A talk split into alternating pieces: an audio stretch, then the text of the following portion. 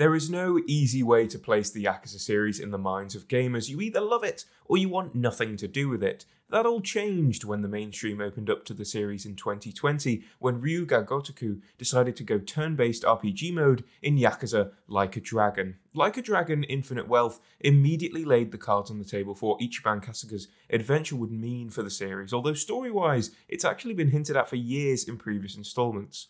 All the pieces are laid out on the board for the game to begin in Hawaii. Without going into too much detail other than what the studio has already teased in the trailers, it's been almost four years since the end of Yakuza Like a Dragon.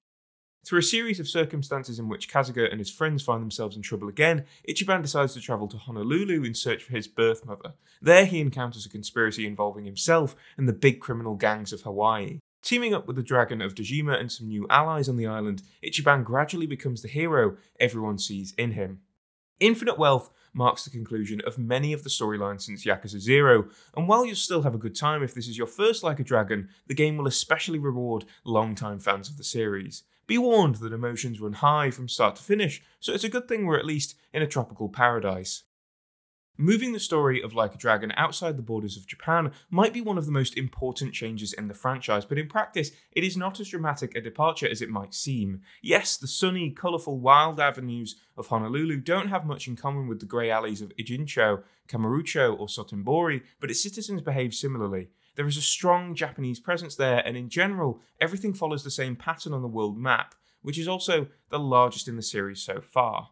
There are now ways to move around more easily, such as the street surfer, and the process of catching taxis has been streamlined as well. Not everything is perfect in paradise, though, and Hawaii is well stocked with thugs, gangsters, mobsters, and all sorts of enemies to beat. The combat follows the same pattern as the previous main title in the series, although the studio seems to have taken note of how uncomfortable it was to move around with so many fights in world events. Now you'll see fewer groups roaming the streets, but you'll always find one near treasures or shortcuts. When you approach this enemy or group of enemies, you will enter that altered state of reality that Ichiban sees. In combat, the enemy AI has been updated and the abilities and how they work on screen have also been tweaked. There are now more types of combos and opportunity attacks, but area abilities will also depend on where the active character is located.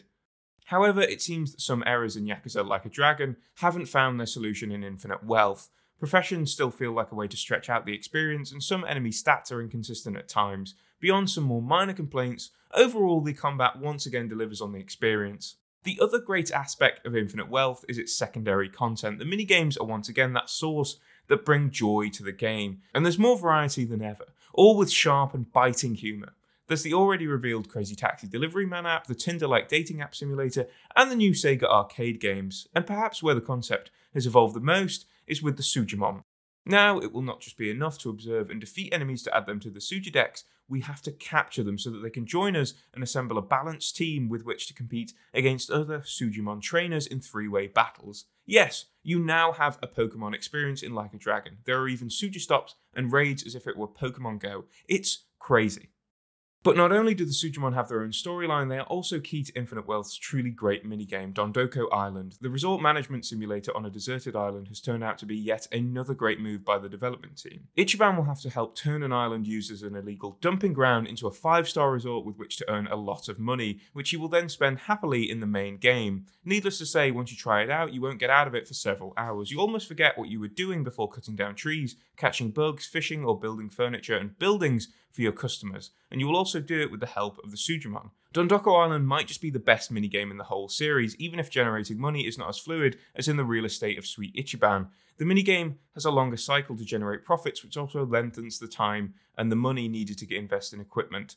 Again, this is only a portion of what Like a Dragon Infinite Wealth has to offer. Ryu Ga Gotoku have managed to expand and progress not only the JRPG system of the series, but its narrative, character development, and extra content. Besides being better in almost everything and offering a gaming experience that no other can match, it is also a bit of a technical marvel. It takes less than 55 gigabytes of space on a PS5 SSD and has a level of detail in its facial expressions, scenarios, lighting, and performance that so many AAA games with a bigger budget would like. It surpasses Yakuza Like a Dragon in every way, and its conclusion sets a bright horizon for the series.